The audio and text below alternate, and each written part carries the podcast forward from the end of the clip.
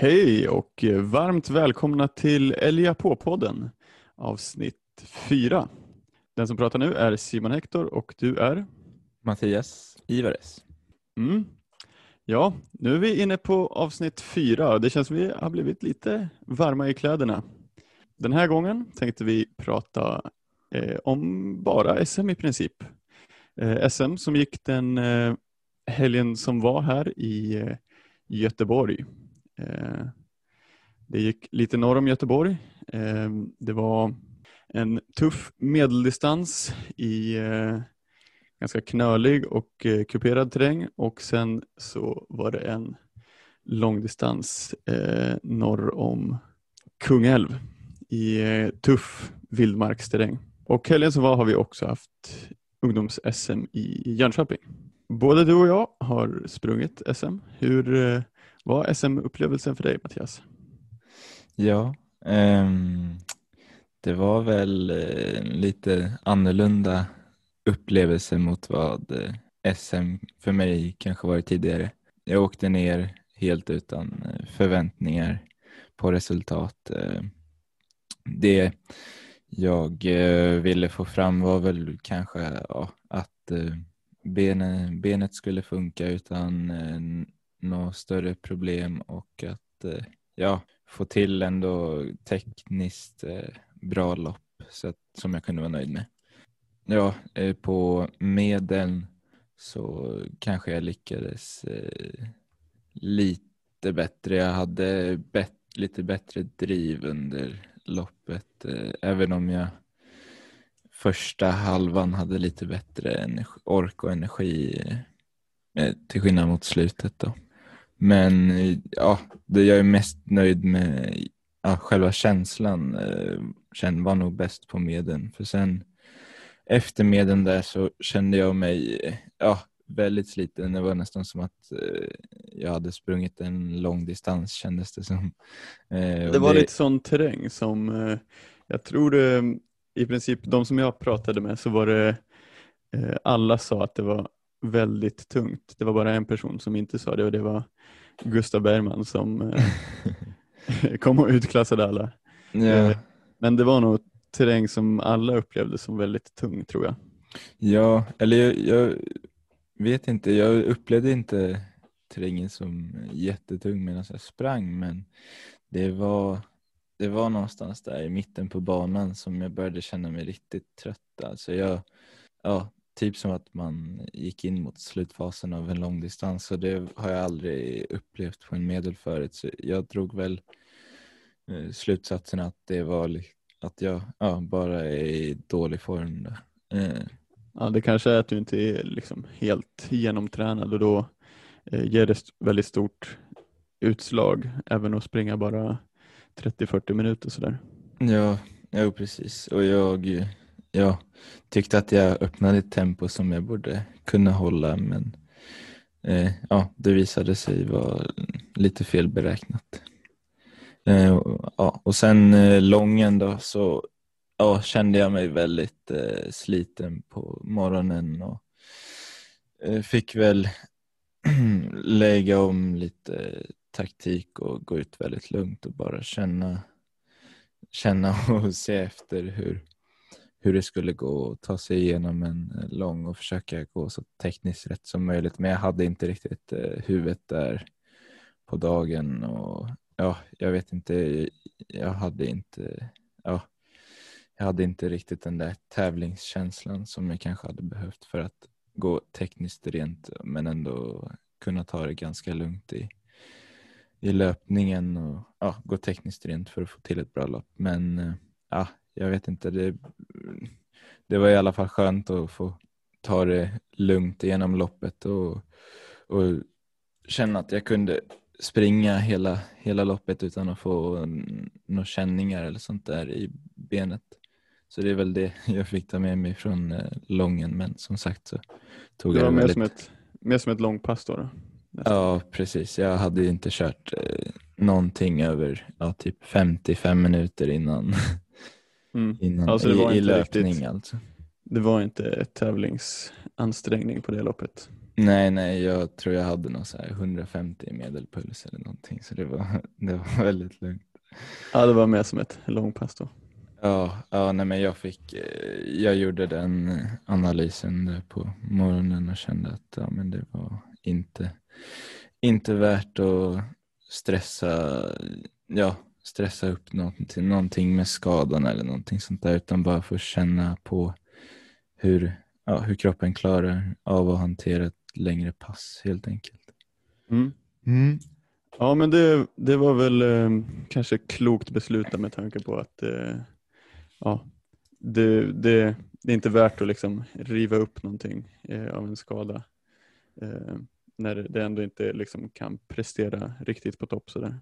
Nej, det var väl det jag kände att det, det skulle inte få med mig något, något vidare resultat eh, från lången så att eh, ja, det var så tankarna gick. Mm. Ja men det här var ju sista, eh, ja man kan ju säga att det är medel och lång som brukar vara de stora SM-helgerna på, på hösten och det känns, det känns lite grann som att det här varit en, eh, en sån ihopbakad SM-helg av både de, de två stora SM-helgerna. Så det här var ju liksom din sista sådana SM-helg i eh, juniorklass. Nu har vi ju sprint-SM kvar, men, eh, men hur känns det att det var sista medel och lång-SM i junior? Ja, det känns ju såklart väldigt tråkigt att man fick eh, bara åka dit och ta sig igenom det och inte känna att man hade någonting att komma med. Eh, det var ju såklart eh, tråkigt. Men sen är jag inte så bekymrad över det utan jag är mer inspirerad av att jag, att jag klarade av att tävla två dagar i rad och kan trappa upp träningen nu och bara fokusera på det. Mm. Kanske ger motivation att vara bättre förberedd till nästa gång det är medel och lång SM. Mm, ja, exakt. Och sen får vi se då, jag har inte riktigt bestämt det med sprint-SM. Eh, men jag tror att det kanske, det kanske skulle passa lite bättre med kortare men eh, samtidigt sliter det ju mer att springa på sånt underlag så jag har inte bestämt hur jag ska göra där än. Eh, någon som uppnådde lite bättre framgångar än vad jag gjorde och som var i bättre form, det var ju du Simon. Berätta lite om din SM-upplevelse. Mm. Ja, men det kändes som att det skulle bli väldigt spännande att komma dit. Att jag hade liksom laddat upp för det länge och det, på något sätt kändes det konstigt för det var liksom Nu har vi inte sprungit, alltså här i Stockholm har vi sprungit lite så små eh, arrangemang, lite närtävlingar och lite klubbtävlingar och sådär. Eh, men det var ju, nu är det ju liksom ett år sedan, sedan jag sprang någon tävling som var med lite mer dignitet. Så det kändes lite ovant att nu skulle det helt plötsligt vara lite viktigt. Då. Eh, vi fick ju prova på det på tävlingarna i Västervik lite grann då. Eh, men nu kändes det som mer på allvar. Men jag tyckte ändå jag kunde eh, hantera de känslorna ganska bra men å andra sidan, det var liksom ganska spänt. Jag var ganska nervös. Sen såklart ett kval i, i seniorklass. Det är alltid lite nervöst sådär men jag tyckte jag tog mig igenom det på ett bra sätt och eh, ja, jag gjorde något misstag i början, blev lite stressad. Eh, sen kom jag ikapp eh, Anton Johansson, en av favoriterna med två minuter eh, och då kändes det som att ja, nu är det lugnt liksom. Eh, så då tänkte jag att ja, behöver inte, inte göra något extra härifrån in i mål liksom, utan nu är det bara att försöka göra det safe in i mål. Så kvalet var väldigt bra. Eh, det var jag nöjd med. Men det var liksom lite mjukare i marken än vad jag trodde och det, liksom, det var tufft så jag kände mig liksom till medeldistansen då på lördagen så kände jag att uff, det känns inte jättebra i benen alltså. Men jag försökte tagga igång mig själv ändå. Och sen tyckte jag att det, det kändes liksom ändå okej okay i starten. Det var ganska tungt men det kändes okej. Okay. Ja, så inledde jag bra. Eh, de som har sett de tv-sändningarna eh, kanske har noterat att det gick ganska bra i början. Eh, sen gjorde jag ett misstag på en minut ungefär. Det var liksom som att jag helt enkelt bara inte fick till kartan. Eh, det var, eh, jag hade koll och sen så helt plötsligt stämde ingenting. Så ja, o ofta brukar jag kunna liksom fundera ut vart ja, men här skedde misstaget eller för, för när jag analyserar så brukar jag tänka vad var det som gick fel och ofta eh, brukar det vara något slarv eller sådär.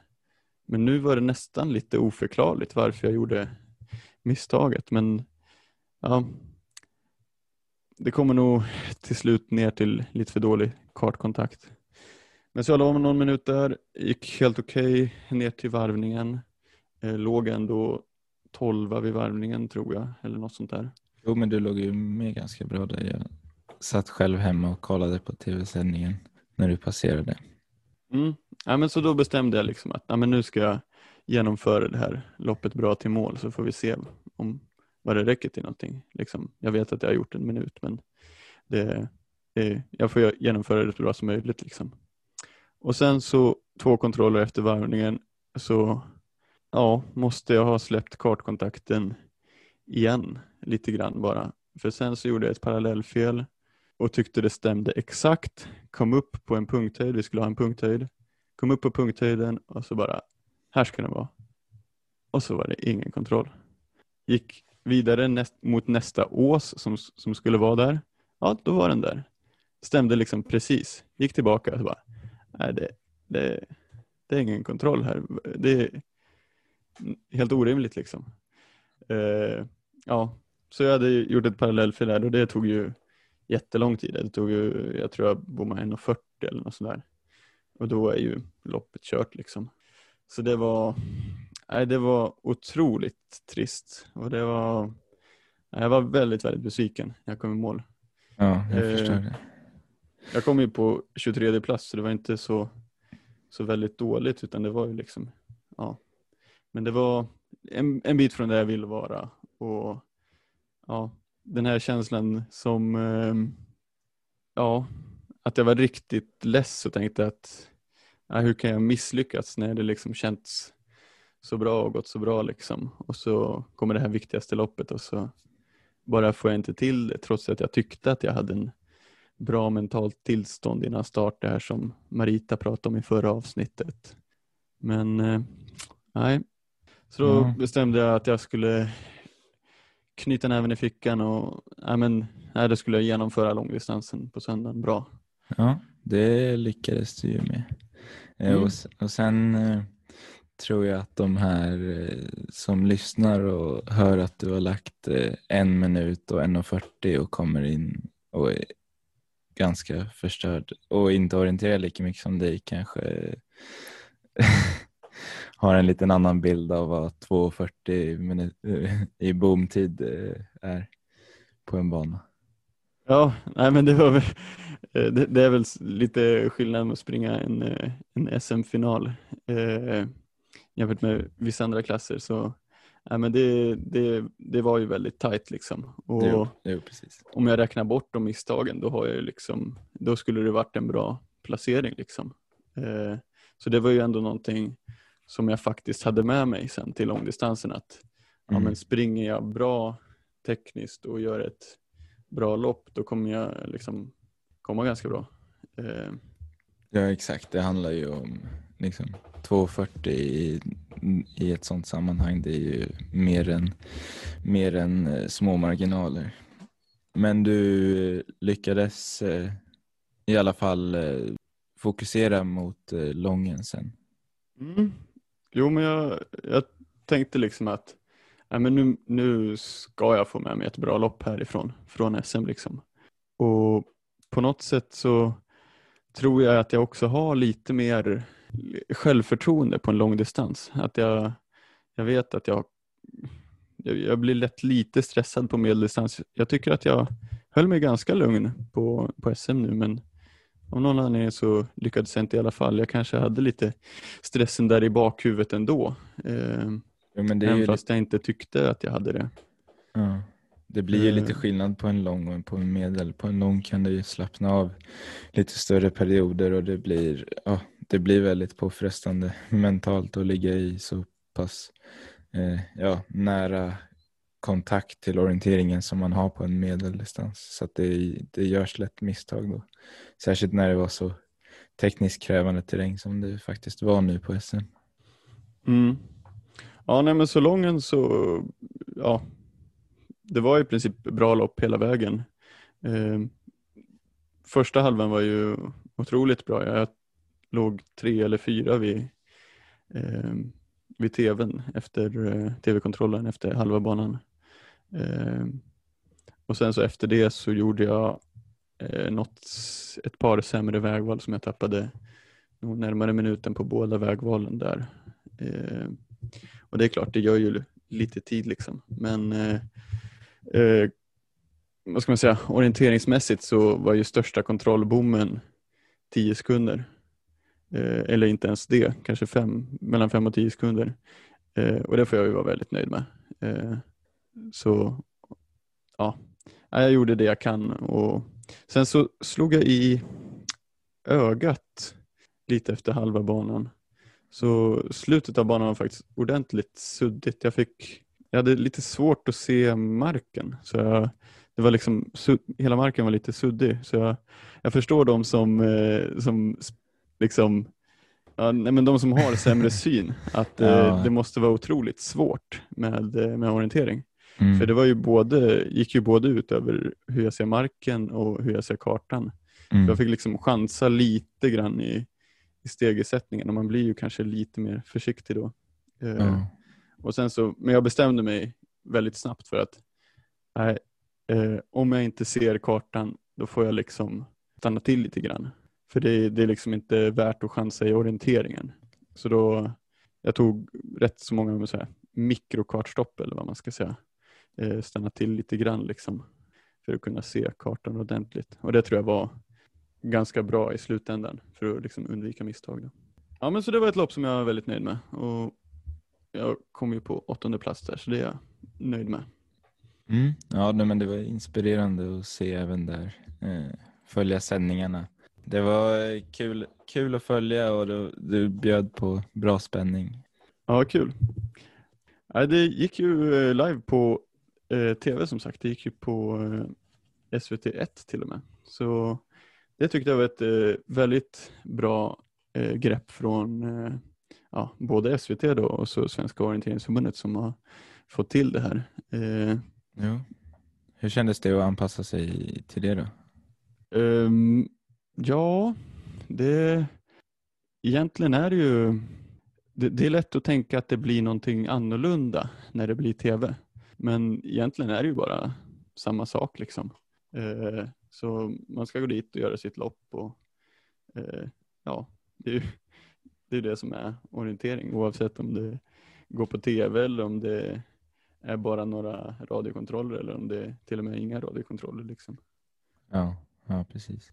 Egentligen tycker jag nästan att det var ett, ett större steg eh, personligen när jag började springa tävlingar och ha GPS-uppföljning. Eh, att man har en, en, GPS på ryggen då. Eh, för då, då är det ju som att vem som helst kan liksom gå in och titta på exakt vad du gör just nu.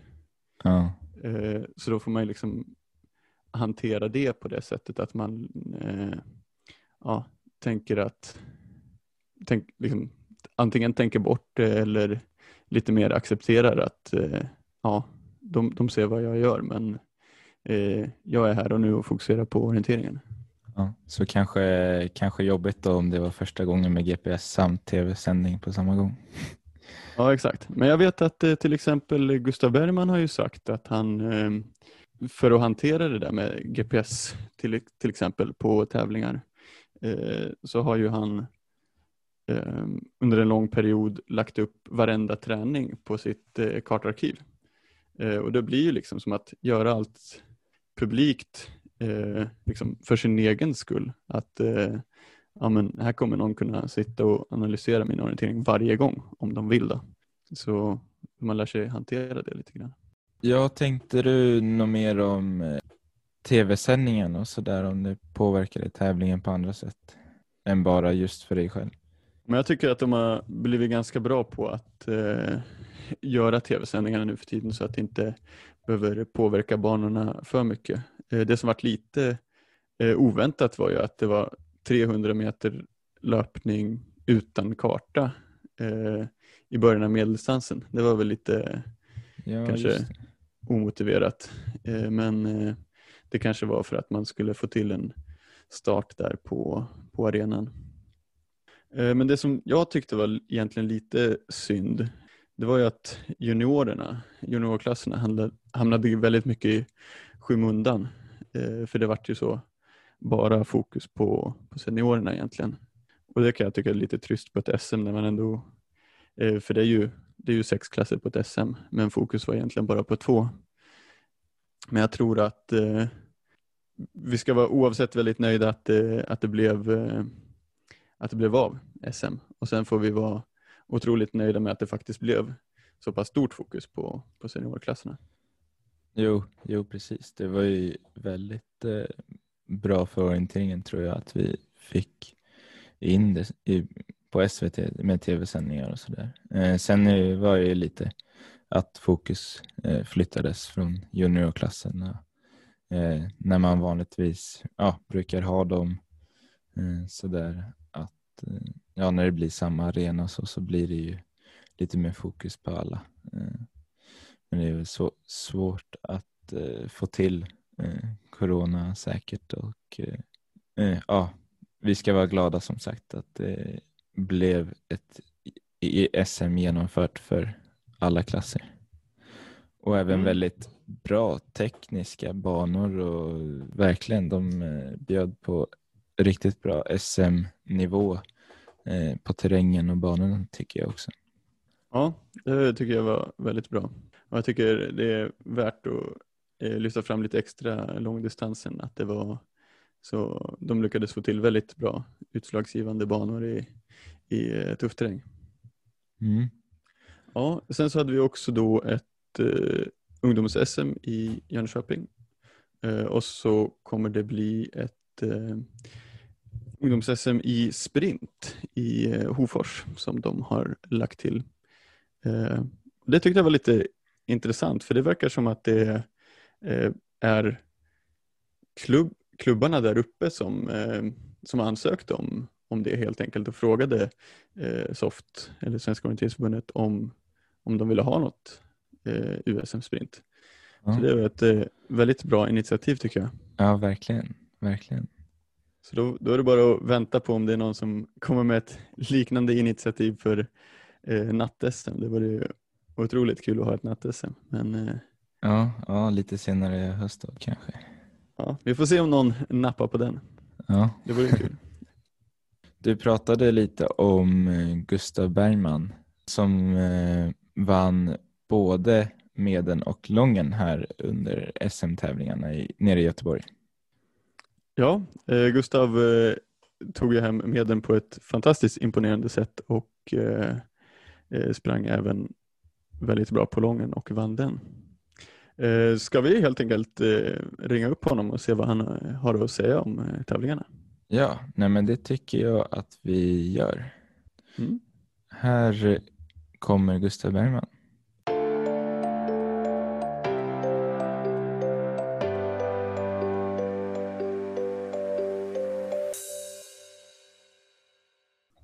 Ja, då har vi med Gustav Bergman. Dubbelsegrar på SM nu senast, både på lången och eh, meden. Grattis till de fina prestationerna. Hur känns det? Ja, tack så mycket. Ja, men det känns bra, absolut. Hur eh, värdesätter du den här eh, segern? Eh, du har ju nu tre år i rad med dubbelseger på både medel och lång. Hur, hur känns det? Ja, men det känns kul, absolut. Det, det är inget som jag liksom har gått och tänkt på direkt. Eh, men eh, det är klart att det är roligt. Jag vill ju alltid prestera bra liksom. Sen nu, eh, ja men som det här året så blir det ju liksom på något sätt de viktigaste tävlingarna ehm, som vi kommer springa.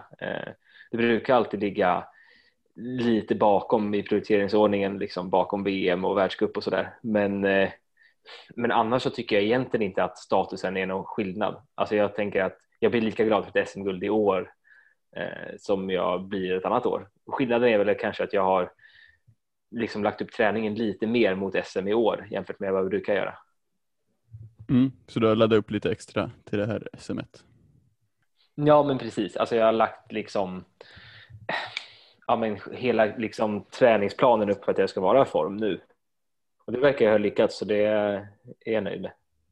Du nämnde ju senast vi pratade att eh, du brukade träna på och känna liksom att eh, tävlingarna de kommer som de kommer och så är du i form till dem. Men nu har du fått fokusera mer mot de här. Hur har du, du verkar ha lyckats. Har det varit någon skillnad ändå? Har du lagt upp det annorlunda? Programmet mot SM nu ungefär som jag brukar lägga upp programmet mot VM. Ungefär så. Och så eh, har jag jobbat efter det. Eh, så så det, det är det som är skillnaden. Skillnaden mot tidigare år är ju att jag brukar ja, fokusera på VM och sen resten bara det kommer som det gör. Liksom. Eh, men nu har jag lagt upp det mot det här. Det har varit lite annorlunda i år eh, i och med att eh, ja, men jag har testat lite, lite nya grepp och sen så, ja, men så har jag liksom, samtidigt som den här formtoppningen har gjorts har jag också lagt om träningen lite från väldigt mycket fokus på hårt underlag till lite mer i skog. Så det har varit lite, lite små skillnader så, men, men annars så i princip samma upplägg som jag brukar göra. Fast lite förskjutet då, mot SM istället för mot VM. Nu blir det lite mer fokus på hårt underlag till sprinten eller hur ser det ut? Eh, ja, det får det väl bli eh, nu. Jag har inte riktigt eh, landat i exakt hur jag ska göra. Det, det jag vet är att jag ska köra eh, springa Lidingöloppet nu nästa helg då, helgen efter SM. Eh, och eh, sen så kommer jag fokusera lite mer på framför allt springa lite mer sprint. Det har varit länge sedan nu. Eh, jag sprang ganska mycket och kontinuerligt eh, under vintern och våren och sen så nu har det varit många veckor sedan senast så jag ska försöka få in lite bra sprintpass. Mm. Ja, om vi tar den här helgen som har varit, då eh, började det med ett kval som du gick igenom ja, ändå relativt lätt eh, och sen på medeldistansen så ja, helt enkelt bombade du ifrån alla. Det var otroligt imponerande. Hur eh, kändes det? Jo, men det kändes bra. Alltså, jag eh, kände mig ganska pigg och fräsch den dagen. Eh, det är alltid, eh, tycker jag, så svårt att veta hur, hur du kommer svara. Eh, det är standard är att jag, jag förväntar mig att när jag är i form att jag ska känna mig så här pigg och fräsch och flera dagar innan ska, kommer det kännas bra. Men, men min erfarenhet säger mig att ja, men, ja, men sista dagarna in mot VM, det brukar vara väldigt osäker på vad det står fysiskt och det var samma sak nu. Eh, innan kvalet så var jag också väldigt osäker. Jag kände mig seg och trött och ont i kroppen och sådär. Eh, men sen så när jag vaknade på lördagen så kände jag mig pigg och fräsch eh, och ja, men gjorde ett väldigt bra lopp. Eh, det var ju, det var ju tuff terräng men, eh, men ändå ganska vad man ska säga, det var, det var ganska hårt i backen. Det var inte mjukt och sugande som det var sen på lången. Eh, och det passar mig ganska bra. Även om det, det får gärna vara liksom tufft och stenigt och mycket branter och sådär. Men bara det är lite hårt i backen så har jag något att trycka ifrån. Det gillar jag. Så det passade mig bra. Ja, det såg ut att passa dig riktigt bra. Det, du bara gled ifrån alla andra. Imponerande. Ja, sen på eh, långdistansen så eh, Ja, du sa att du tog det lite lugnare i början. Var det så eller var det bara att det kändes lite sämre i början? Mm, jag, jag var lite trött efter medel. Alltså det är, eh, en, ja, även om det är en medeldistans så var det en ganska tuff medeldistans med ganska branta sluttningar och så här. Alltså man, när jag springer fort i dem så blir jag sliten. Liksom. Så hade jag eh, precis på slutet på medeldistansen slog jag ett knä också eh, lite grann. Det var ingen fara så, men det var stelt eh, på lången då. Eh, så det var, jag var lite segstartad. Eh, Både fysiskt men framför allt eh, orienteringstekniskt. Jag var inte riktigt med i matchen från början och det blev några små så här, ja men tio sekunder här och tio sekunder där. Eh, ingen fara egentligen, men eh, ja, men det bygger ju på liksom. Om du då springer i en halvtimme i början på en långdistans och in, varken känner dig riktigt, riktigt bra fysiskt och heller inte riktigt är på det tekniskt så, ah, så det var liksom inte, inte klockrent så. Eh, men sen vaknade jag till liv lite grann, kroppen börjar kännas bättre och då brukar det vara så att tekniken kommer med det. Att om du känner dig stark så går det bra tekniskt. Och, ja, men andra halvan var ju riktigt bra. Men eh, det var inte så att du kände efter medlen att du skulle gå ut lite lugnare och känna på kroppen utan det kom mer som det kom då? Mm, precis, det var ingen medveten plan. Eh, jag brukar försöka vara ganska offensiv på långdistanser och gå ut hårt och försöka hålla liksom, tempot. Men, men den här gången så funkar det inte riktigt. Eh, jag, var, ja, men jag var lite för trött helt enkelt, eh, lite segstartad och sen så terrängen var ju så tuff så att jag tror att alla hade nog en ganska dålig känsla. Mm. Ja, men jag var ju där när du eh, sprang som fortast tror jag nästan på slutet. Det var imponerande att se farten eh, de sista kontrollerna där när du eh, kom ikapp. Men eh, om vi går vidare lite då. Eh, varför skulle du säga är Gustav Bergman Sveriges bästa orienterare? Oj, ja det, det är svårt att säga. Alltså, för det första då så ska jag då säga att jag är Sveriges bästa orienterare. Det vet jag inte riktigt om jag kan säga definitivt säga. Eh, det är ju många som är duktiga, liksom, som har, vi har väldigt olika egenskaper. Liksom. Eh, nu, det, det som jag är väldigt bra på eh, är för det första att springa i skogen, eh, löptekniskt. Och sen så är jag väldigt bra på att ligga väldigt nära min gräns, tror jag. Att jag eh, rent fysiskt kan eller rent orienteringstekniskt skulle jag snarare säga, att jag orienteringstekniskt klarar av att ligga väldigt nära min fysiska gräns när jag springer i skogen. Eh, och jag tror många av de andra, om vi kanske, de bästa exemplen kanske är Martin Regborn och Emil Svensk och att de är de som kanske fysiskt är lite starkare än mig eh, generellt. Och eh, att det de inte har är förmågan att ligga och pusha nära gränsen det betyder inte att jag menar att de är sämre orienteringstekniskt än mig.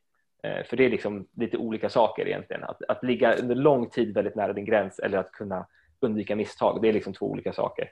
Eh, mm. Så, så, så det är liksom min absoluta styrka skulle jag säga. Och det är, är jättebra om man springer i skogen och det är lite böljande och så här. Och det är lite sämre egenskap att ha, eller att lägga, kunna ligga nära gränsen är alltid en bra egenskap, men, men rent fysiskt är jag snarare så att jag har svårt att hitta den gränsen perfekt om jag springer på hårt underlag till exempel. Och, och det är i skogen som det funkar bra. Liksom. Mm. Så det är helt enkelt mycket träning som är eh, orientering i hög fart? Ja, ja precis. Alltså det, är lite, det är svårt att säga exakt vad som är träning och vad som är mina egenskaper liksom medfött eller vad man säger. Jag är, jag är väldigt bra på att springa explosivt och vara offensiv i skogen. Eh, mm. Och Medan andra inte riktigt har de fysiska egenskaperna. Så det, det är lite svårt eh, att veta exakt.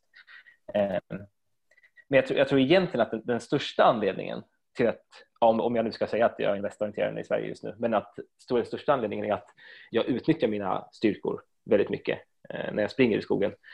Eh, vi har ju väldigt, som sagt, som jag sa, att vi har lite olika egenskaper alla vi eh, i toppen och det handlar om att utnyttja dem bra. Eh, sen är det alltid svårt att säga. Alltså, ena året så är jag bäst och andra året är någon annan bäst. Det är liksom, det är så det är, så det är. och i år fick jag till formtoppningen bra liksom. Eh, och jag har lyckats väldigt, jag är väldigt nöjd med mina senaste år. Eh, men det säger ju ingenting egentligen om nästa år. Vi får se helt enkelt.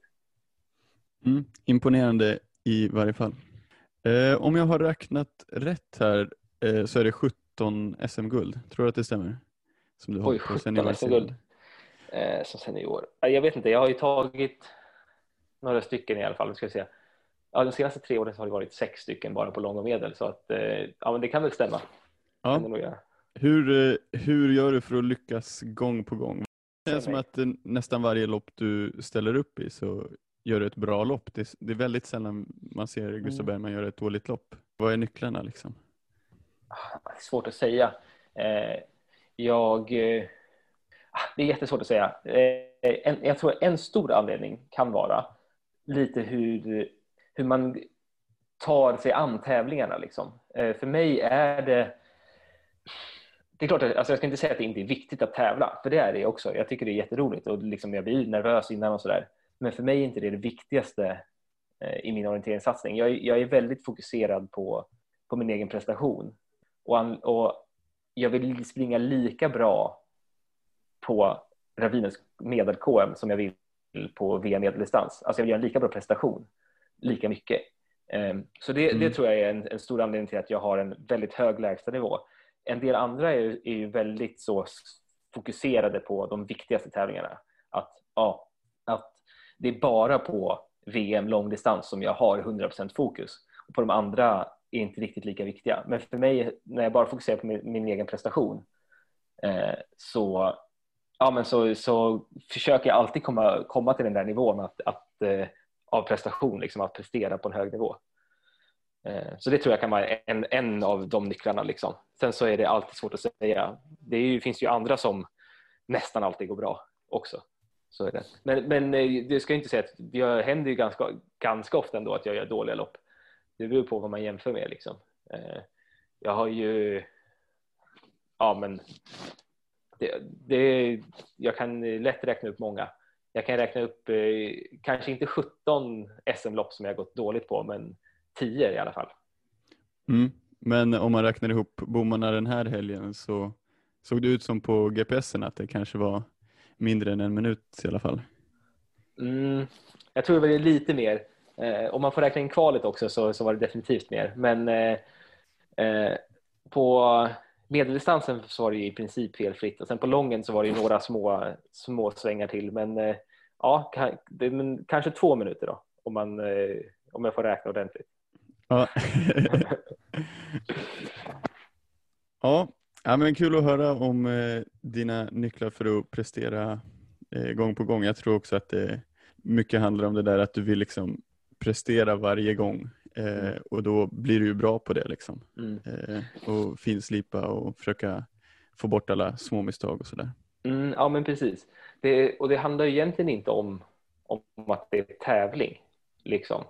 Ja, men det är lite intressant det där. Det, det, var, det var ju lite inne på det när vi pratade senast eh, om det här med vad som driver en och vad som är drivkrafterna. Och jag tror det är en, som sagt, en hemlighet i hur jag fungerar liksom som, som orienterare och som människa som gör att jag kan, eller att att det är det jag vill fokusera på, prestationen. Liksom. Ja, men, eh, superspännande att uh, höra med dig och mm. nu har du ju varit med två gånger i podden. Mm. Uh, Mästergästen. Ja, ja, precis. men det känns som att det finns anledning att återkomma ändå. Ja, ja det är bra. Mm. Ja, tack så mycket. Tack. Ja, kul att höra Gustavs tankar efter eh, dubbla SM-guld. Eh, han har ju nu varit med två gånger och som vi nämnde är han mästergästen i podden. Stamgäst. Ja, precis. Vi hade ju även i, i damklassen i D21 eh, hade vi på medeln en väldigt klar segrare i Tove Alexandersson. Ja, Tove visade som vanligt eh, vilken otrolig nivå hon har eh, och vann med över tre minuter för eh, en delad silver mellan Lilian Forskaren och Lina Strand. Ja, ja, det är ju en väldigt imponerande marginal att ha på en medel till tvåan. Ja, verkligen. Mm, och i lången så hade vi en lite jämnare fight där mellan eh, Sara Hagström och Sanna Fast där den sistnämnde gick segrande ur den duellen. Och eh, vi har tänkt att ringa upp henne och höra hur hennes tankar gick under loppet och innan och efter. Hon kommer här.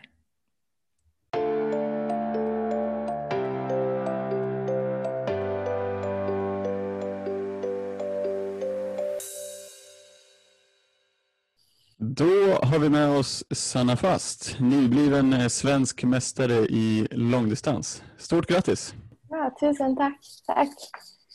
Hur känns det? Eh, ja, jag tror väl inte riktigt att jag kanske har hunnit smälta vad som hände i söndags riktigt än kanske. Men eh, ja, annars är det bra tycker jag. Måste vara en härlig känsla Eh, jo men absolut. Det var ja, verkligen ingenting man förväntade sig när man vaknade på morgonen där i söndags. Så det, ja, det känns häftigt. Men som sagt, ja, lite svårt att smälta. Ja, eh, det började ju SM-helgen med ett kval som gick eh, väldigt bra för dig. Eh, och sen eh, medeldistansen, då var du på trettonde plats och hade några misstag under vägen. Jag kan tänka mig att du inte var helt nöjd, eller? Eh, nej, precis. Det var ja, riktigt katastroflopp skulle jag säga. Eh, jag fick inte riktigt till det i början av loppet och så hamnade väl tankarna liksom på andra ställen än där de skulle vara eh, och fokus på kartan. Och, ja, jag kände väl också att jag inte riktigt hade gjort de mentala förberedelserna som kanske behövdes med tanke på att det var tv-sändning och allting sånt och det var ja, första gången för mig liksom och så. Så ja, nej, det var en väldigt stor besvikelse eh, efter det loppet. Så det kändes väldigt bra att kunna få ta den revanschen på sig själv eh, på söndagen sen och sen visa för sig själv att man faktiskt kan orientera. Så det var, ja, det var skönt.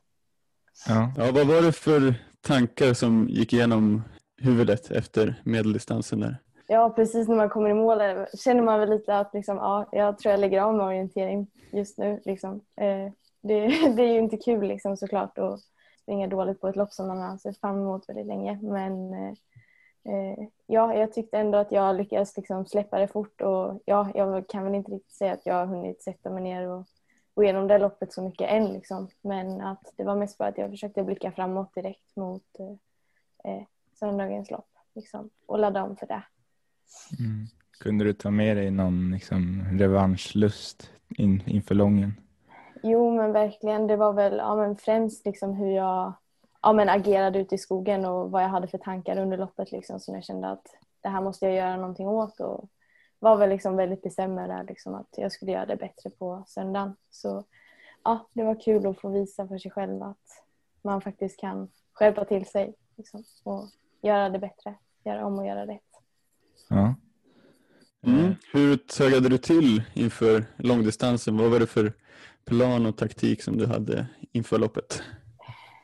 Ja, alltså jag vet inte riktigt vad jag hade för plan och taktik så kanske, men mer grejen som jag tror är, ja, men som har gjort att det har gått mycket bättre att springa långdistans nu de senaste åren än ja, men medeldistans rent generellt är att jag känner att jag ja, men har mycket mer tid och jag ja, men har en helt annan inställning liksom och verkligen tillåter mig själv att göra jobbet med kartan. Liksom. Eh, och det var väl kanske den inställningen jag också hade när jag ställde mig på startlinjen att ja, men idag har jag tid att läsa kartan, jag har tid att göra jobbet liksom och ja, men, mata på. Liksom. Jag, vet, jag, jag visste att det skulle bli tufft men jag kände ändå att det är orienteringen som jag måste sätta om jag ska göra ett bra lopp. Liksom. Och, ja, så det var väl liksom att jag verkligen hade fokus på det.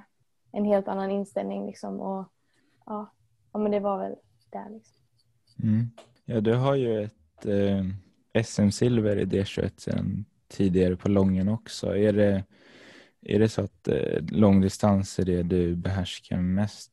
Eh, ja, men just på senare år har det väl kanske känts som det har varit så. Eh, sen har jag alltid tyckt om att springa medeldistans också och kanske haft ja, men större framgångar på det tidigare som på JVM och så.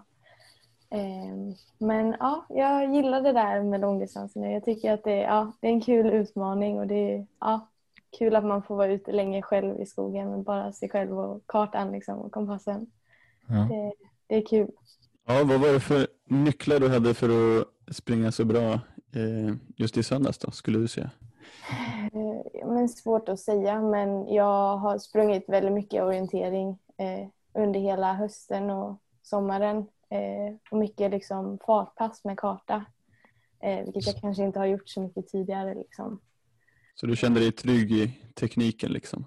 Ja, ja jag var ju skadad i våras och in, kunde inte springa så mycket mellan ja, februari och maj. Liksom. Så jag kände väl liksom att när jag började sommaren att jag var helt off liksom med kartan och hittade inget flyt och liksom så. Men eh, sen så har jag verkligen ja, men, jobbat med det under hela sommaren och hösten nu och ja, sprungit mycket fort på kartan och fått mycket bra kvalitet liksom. och det tror jag verkligen har det gjorde nog att jag kunde komma in med om en självförtroende med den tekniska biten liksom. Utöver att jag kände att jag också var i bra fysisk form såklart men ja, jag tror det är där som det ofta ställer till det för mig. Liksom. Så det var skönt att känna att jag kunde ändå stå på start och veta att jag kan om jag gör rätt saker. Mm. Ja, eh, du är ju då andra års senior och har fått till det här nu väldigt eh, tidigt i D21-karriären. Eh, eh, även fast du har haft fina framgångar som junior. Och sen eh, är det kanske inte alla som eh, har, koll, har full koll på dig. Skulle du kunna berätta lite mer om vem Sanna Fast är och vad du sysslar med? Ja, jag är då 22 år som sagt. Bor just nu i Göteborg. Ehm, som många andra av Sveriges orienterare gör. Känner mig kanske som en i mängden där. Ehm, men, eh, och så pluggar jag eh, samtidigt eh, till läkare. Och det är väl där som den största delen av min tid går till just nu. Det är klart man önskar att man hade mer tid till att hitta på annat men det är mest orientering och plugg. Så ja. Ja, hur går det att få ihop eh, studierna och träningen? Och så? Jo, alltså jag tycker att det funkar helt okej. Okay. I vissa perioder är det ju ja, tuffare och ibland är det lättare. Och det är klart att jag gärna hade velat kunna ja, men åka iväg på fler landslagsaktiviteter och läger och tävlingar och så men jag känner att ibland liksom måste man prioritera skolan också och ibland får man prioritera orienteringen. Eh, men det är en balansgång det där. Det är lätt att man går över gränsen på något av dem. Liksom. Men ja, det, det är ett pussel. Ja, ja, precis. Ja, som jag nämnde, du har fått till det väldigt tidigt i, i din eh, seniorkarriär. Eh, hur, känns, hur känns det? Och, Ja, alltså det har ju verkligen varit väldigt oväntat från min sida. Liksom. Det är väl kanske inget man har trott att man har kapacitet till själv och inte heller haft tankarna på att det skulle flyta på så här bra liksom, från början. Eh, för man vet ju att ja, men klivet upp från junior till senior är ju stort. Och ja, men jag har väl hela tiden tänkt att ja, men det ska få ta den tid det tar. Liksom, och, ja, men som första året där när jag började plugga att jag kanske satsade lite mer på skolan än orienteringen. Men nu när man har kommit in i vardagen så känner jag ändå att det funkar att göra båda två liksom ganska, ganska bra. Och så. Men ja, det är klart att jag vill tänka långsiktigt och jag vill liksom kunna vara med och fightas i toppen länge. Liksom. Så, ja. Men det är klart att det är fint att få sådana här kvitton på att man gör någonting rätt eh, ja. redan nu.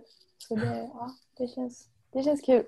Ja, känns det inspirerande inför framtiden att du är, är så pass långt framme nu och att du bara kan fortsätta utvecklas? Jo men verkligen. Sen är det klart att vägen kanske inte är spikrak liksom så. Eh, men det känns jättekul att liksom få se hur det är liksom, och hur fort det går i toppen. Liksom, och se att man kan vara med där om man har en bra dag. Liksom. Det, ja, det, det är väldigt inspirerande. Så, ja, man blir väldigt motiverad till att träna vidare nu i höst liksom, efter en sån här framgång. Ja, det förstår jag. Ja, men eh, som Mattias var inne på, det känns som att du verkligen har tagit ett eh, kliv från eh, när du har varit junior. Om du ska försöka dig på och hitta om vad anledningarna till det är, vad skulle det vara? Tror du? Mm, ja, alltså dels så, ja men någonting som är väldigt konkret och tydligt är väl typ att jag har, ja men till skillnad från tidigare, eh, haft längre ihållande träningsperioder skulle jag säga. Eh, vilket gör ju såklart att man utvecklas eh, fysiskt. Jag, under, ja, men jag skulle säga att under hela gymnasietiden och juniortiden då, så var jag väldigt mycket sjuk och förkyld liksom, och hade småskavanker liksom, hela tiden. Eh, kändes ju då som att man hade otur men det är klart att man kanske inte gjorde alla saker rätt heller. Liksom. Eh, men nu har jag ändå ja, men, nästan inte haft några sjukdagar alls sen förra, eh, eller på hela liksom, det här träningsåret. Så det gör ju väldigt stor skillnad såklart att bara få fortsätta att träna på. Det är väldigt skönt. Tror du att det är någon speciell anledning till att du varit mindre sjuk? Eller? Nej, jag vet faktiskt inte. Eh, det är klart att man har blivit äldre så jag tänker att immunförsvaret kanske har utvecklats också. Eh, det kan ju vara något så basic som det. Men ja, kanske att man jag vet inte, på, när man gick på gymnasiet så var det väldigt så här liksom om någon var lite förkyld så skulle man isolera sig från alla andra och det var väldigt så här alla var så himla rädda för att bli sjuka och nu tror jag att jag har en lite annan inställning till det också liksom att ja men ja, just i de här tiderna nu med corona kanske man inte åker kollektivt men annars är man i skolan och träffar liksom folk som kanske är sjuka och man åker spårvagn liksom så man träffar ju och kanske utsätter sig själv mer för det också eh, och bygger upp ett bättre immunförsvar. Det är min tanke men ja, jag vet inte om det kan vara något sånt. Mm. Ja, väldigt skönt, att vara eh, inte inte har så mycket sjukdomar i alla fall. Eh, men du nämnde att du hade varit skadad nu i våras. Vad var det du hade problem med då? Ja, det var en överbelastningsskada i, ja, i tibia, i vadbenet. Då. Jag gjorde en MR, det visade ingenting då men troligtvis var det väl en början till en stressfraktur. Liksom. Men eh, ja, jag vet inte. Det har, jag har inte haft några problem med det nu sedan dess i alla fall. Eh, Det är skönt. Så det är skönt. Ja, det, det är imponerande att eh, du hade en så pass lång skadeperiod också. Sen så eh, är i så pass bra form nu. Ja, jo, men jag, jag funderar på liksom vad det är som... För jag tycker ändå att jag har kommit ut starkare ur ja, men den perioden också. Jag tror faktiskt mycket, ja, att jag kan tacka mycket eh, för det. Liksom, eh, att jag har börjat cykla ganska mycket. Eh, och ja, men För egen del så tror jag att det har varit ganska bra eh, komplement liksom, eller ersättning till benstyrka. För det är ingenting jag har kört så mycket tidigare. Liksom. Eh, så jag tror att ja, men gör man det på rätt sätt så kan man nog bli stark i benen av att cykla också. Utan att få för mycket cykelben. Liksom. Mm. Så det är något som du fortsätter med nu också?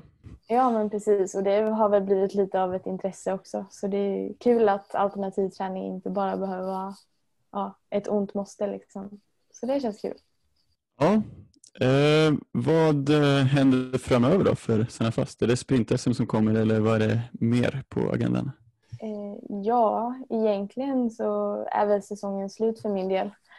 Eh, som det verkar. Jag vet inte om, om det blir något Euromeeting och om man blir uttagen i så fall. Men eh, annars så ska jag inte springa några mer tävlingar här hemma. Eh, jag måste fokusera lite på skolan nu så tyvärr blir det inget sprint-SM.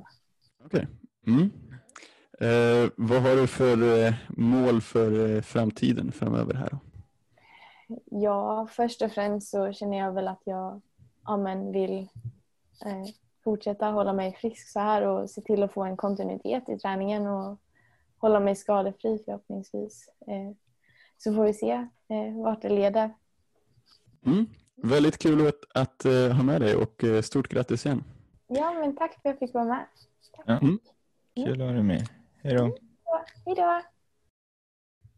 Ja, och där hade vi Sanna Fast. Väldigt eh, spännande att höra hennes eh, tankar. Eh, det var ett imponerande lopp som hon fick till där.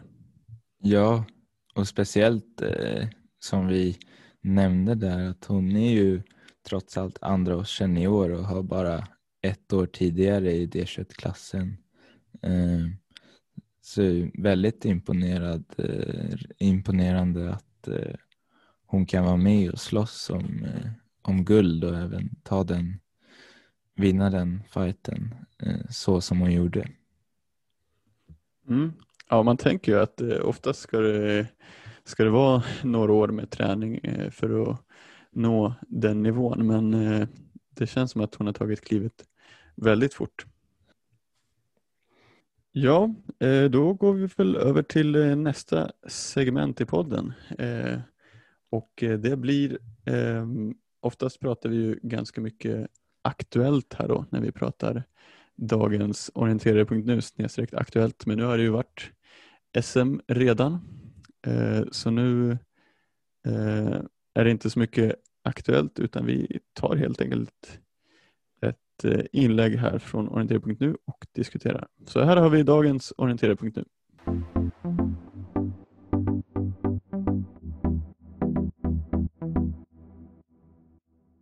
Ja, då har vi inlägg här från orientering.nu och det är tre som har skrivit eh, angående SM då. Eh, en tv-intervju med Albin Ridefelt som han skriver.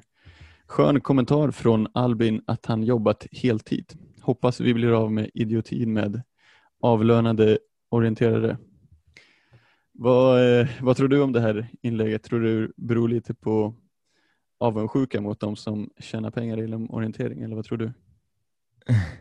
Ja, jag vet inte exakt. eh, Det handlar ju kanske inte om jättemycket pengar i just orientering. Men eh, ja, kanske att det bygger lite på det. Annars kanske han har något eh, emot ja, betald, eller ja, betalad sportutövning överlag. Det vet man inte. Mm.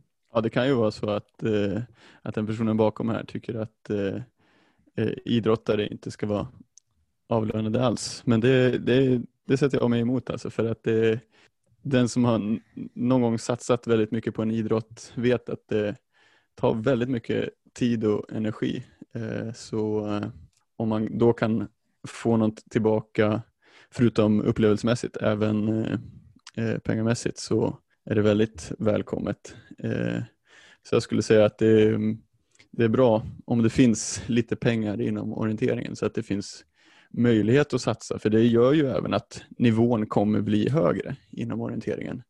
Eh, för finns det utövare som har möjlighet att gå ner lite i arbetstid, träna mer, åka lite mer på läger, då, då blir ju nivån helt enkelt bättre.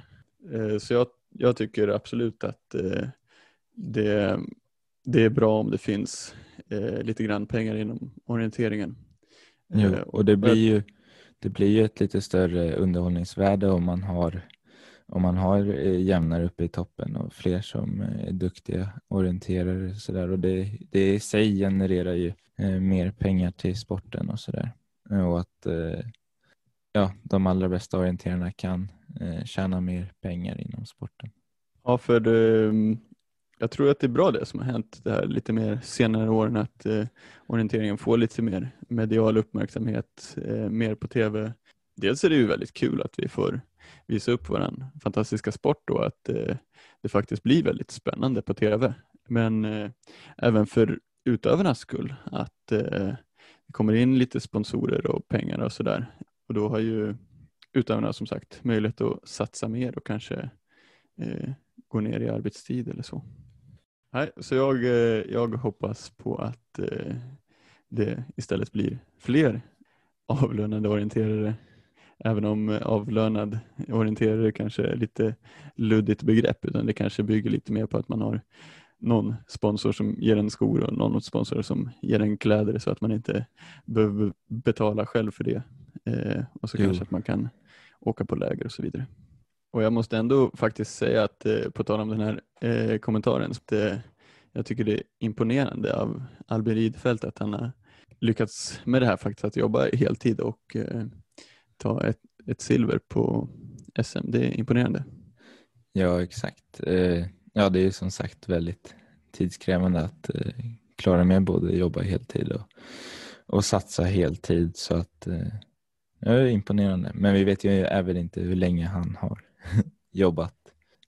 Nej, men jag hörde honom säga att han har sprungit eh, eh, lite mindre i skog på sistone. Eh, och det, det, är väl så att eh, den, eh, det som tar mest tid det är att eh, ta sig ut och göra de allra mest kvalitativa orienteringsträningarna. Jo, så han kanske har fokuserat lite mer på att utveckla löpstyrkan under den här tiden. Så kan det ha varit. Jo, jo, det är sant.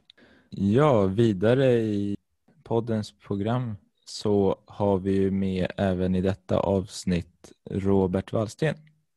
Ja, det ska bli spännande att höra vad han har för anekdoter att bjuda på. Så här har vi Robbans anekdoter.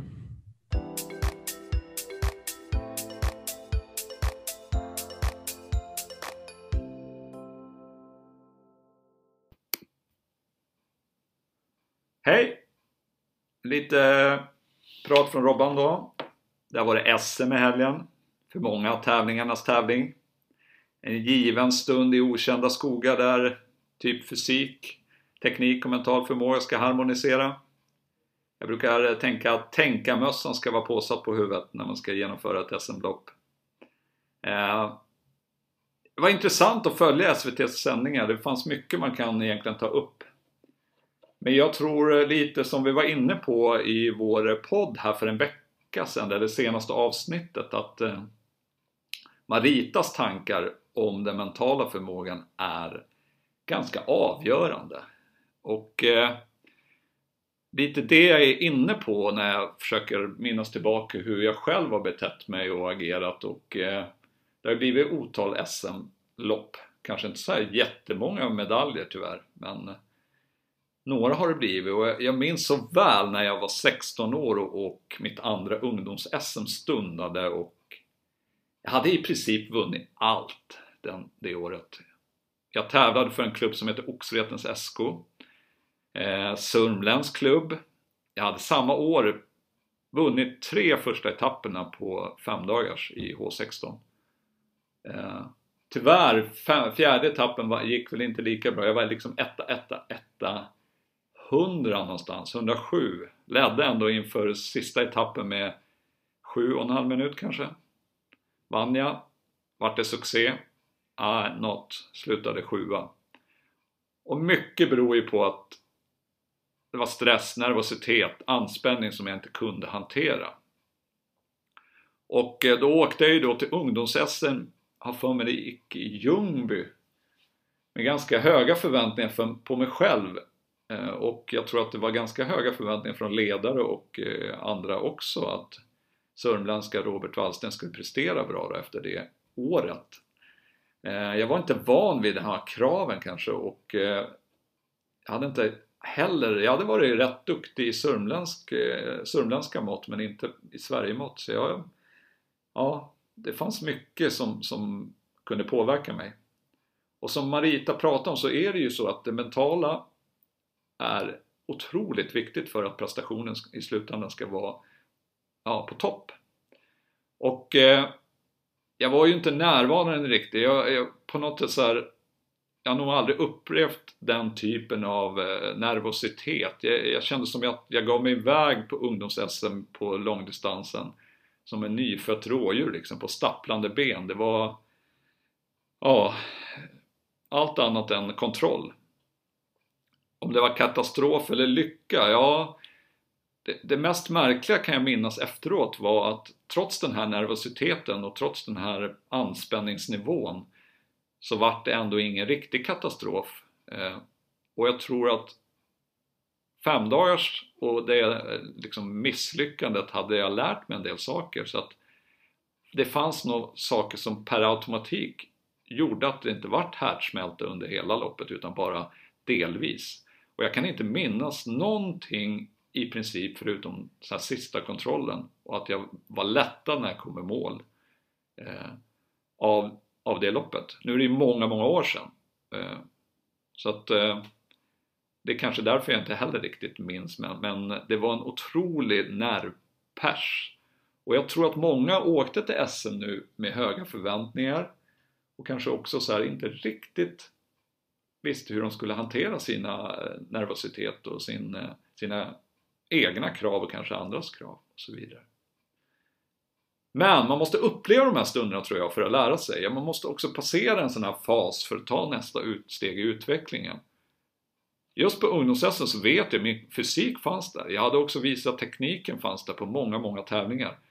Men min förmåga att hantera anspänning, hantera krav, fokus, koncentration, att vara i nuet på varje sträcka var långt ifrån färdigutvecklat. Och jag tror att många orienterare som, som kanske inte är så erfarna än så länge glömmer bort den här biten.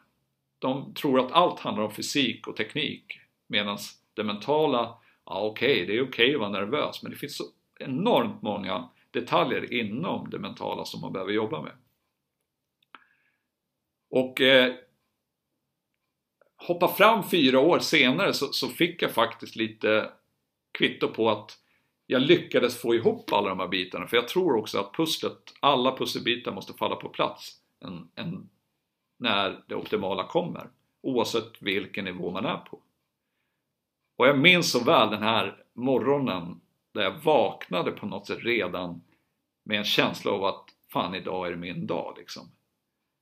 Jag skulle attackera Södertörns skogar som liksom bara väntade med sin eh, prakt och där fick jag möjlighet med mina offensiva steg och kartkontakt göra det optimala den dagen. Jag minns en del kontroller, jag minns miljön, jag kommer ihåg att jag såg vissa kart eller kontrollvakter, för det, på den tiden fanns det kontrollvakter som skrev upp vilken tid man dök upp så man fick sträcktider. Vi hade inte Sportident då.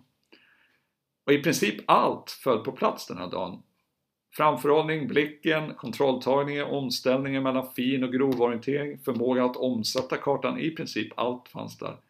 Jag hade tränat bra, det var en terräng som jag behärskade väldigt bra, vilket också gjorde att jag på något sätt mentalt bara, allt bara var positivt den här dagen. Eh, och jag hade också jobbat med mig själv mentalt under den här eh, resan, under de här åren, med att faktiskt utmana mig själv och springa andra eh, tuffa tävlingar. Inte vika ner mig om jag på något sätt hade negativa tankar utan just den här dagen så kändes det som att, ah fan det här är min dag. Och, och att hitta den rätta anspänningen, hitta det rätta eh, fokuset och också på något sätt acceptera de krav man ställs inför kan bidra väldigt mycket. Men hur jobbar man med det här? Ja, det handlar om att våga misslyckas. Det jag gjorde på ungdoms det jag, där misslyckades jag i och för sig inte, jag var sexa. Men det jag gjorde på femdagars och, och eh, några andra så här värdetävlingar under åren kanske jag inte lyckades, men att våga misslyckas tror jag väldigt mycket på. Eh, att våga sätta höga mål också, men rimliga, det tror jag är ganska viktigt. Och det är kanske några redan nu som har börjat fundera över nästa års SM och jag tror att det är viktigt att sätta några mål så att man vet också vad man ska jobba mot. Eh, och då kan man på något sätt identifiera vad man behöver jobba med. Sen tror jag ganska mycket på det här med att fysik och teknik, om de sitter och man känner att man har gjort jobbet med dem, då kommer mentala anspänningsnivån vara mycket tryggare. För gör man inte jobbet, gör man inte den här fysiska träningen som faktiskt behövs, vet jag inte att jag eh, behöver träna backar inför en, en tufft SM till exempel, eh, då kanske det blir en nervositet när jag inser det närmare SM. Utan jag måste göra jobbet, jag måste också ta reda på vad jag faktiskt ställs inför. Hur slutade eh, JSM då? Fyra år senare? Ja, det vart i alla fall en vinst, men en delad vinst med Emil Wingstedt. Men det var en fantastisk dag från jag vaknade till jag gick och la mig där jag kände att allt föll på plats. Varenda pusselbit föll på plats. Och eh, den känslan är på något sätt det jag hela tiden har strävat mot i min träning för att få uppleva igen, vilket jag också har gjort ett antal gånger. Men att jobba med det mentala, att jobba med sina egna brister, då kanske ni också tar nya steg till nästa års SM eller redan till sprint-SM. Ja, det var väl lite, lite om bakgrund kring vad jag har gjort kring SM. Tjena! Ja, där hade vi Robbans anekdoter. Vidare för våran del nu så är det ju som sagt uppkommande sprint SM som står på schemat. Eh, för mig är det fortfarande lite oklart om jag väljer att ställa upp eller inte, men det får vi se. Men du Simon laddar krafterna inför det antar jag? Mm, nu blir det lite extra sprintträningar här nu då. Eh, försöka komma in i den eh, typen av orienteringsteknik. Kanske blir lite mer löpning på hårt underlag.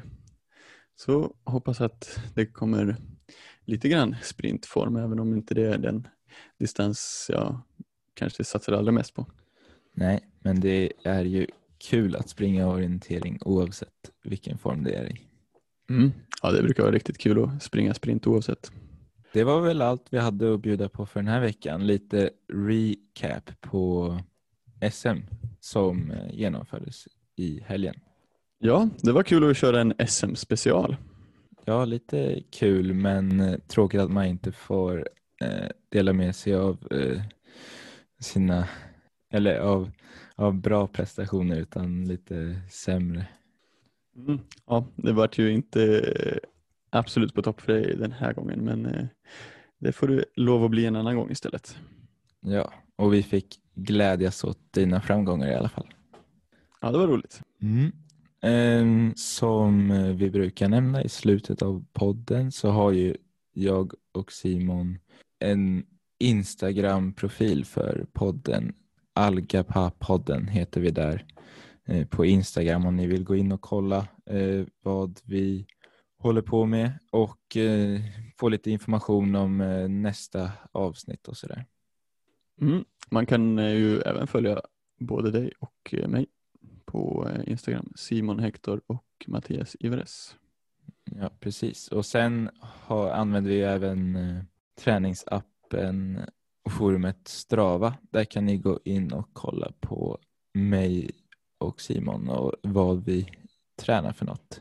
Simon som eh, snart kan kalla sig C-kändis på Strava i alla fall. ja, det, är ju, det vore ju något om man kunde kalla sig i alla fall för C-kändis. Vad ligger du på nu då? Ja, jag tror det var 200 följare, så det är ju alltid något. Ja, ja men det, Det är kul att det är folk som vill följa. mm, ja, men det är intressant att folk vill se vad du tränar. Det må, betyder ju att du gör något bra i alla fall. Ja, jag hoppas det. Ja, nej men eh, vi får tacka för detta avsnitt då. Tack till alla som har lyssnat och eh, tack till dig Simon. Vi hörs. Ha det bra.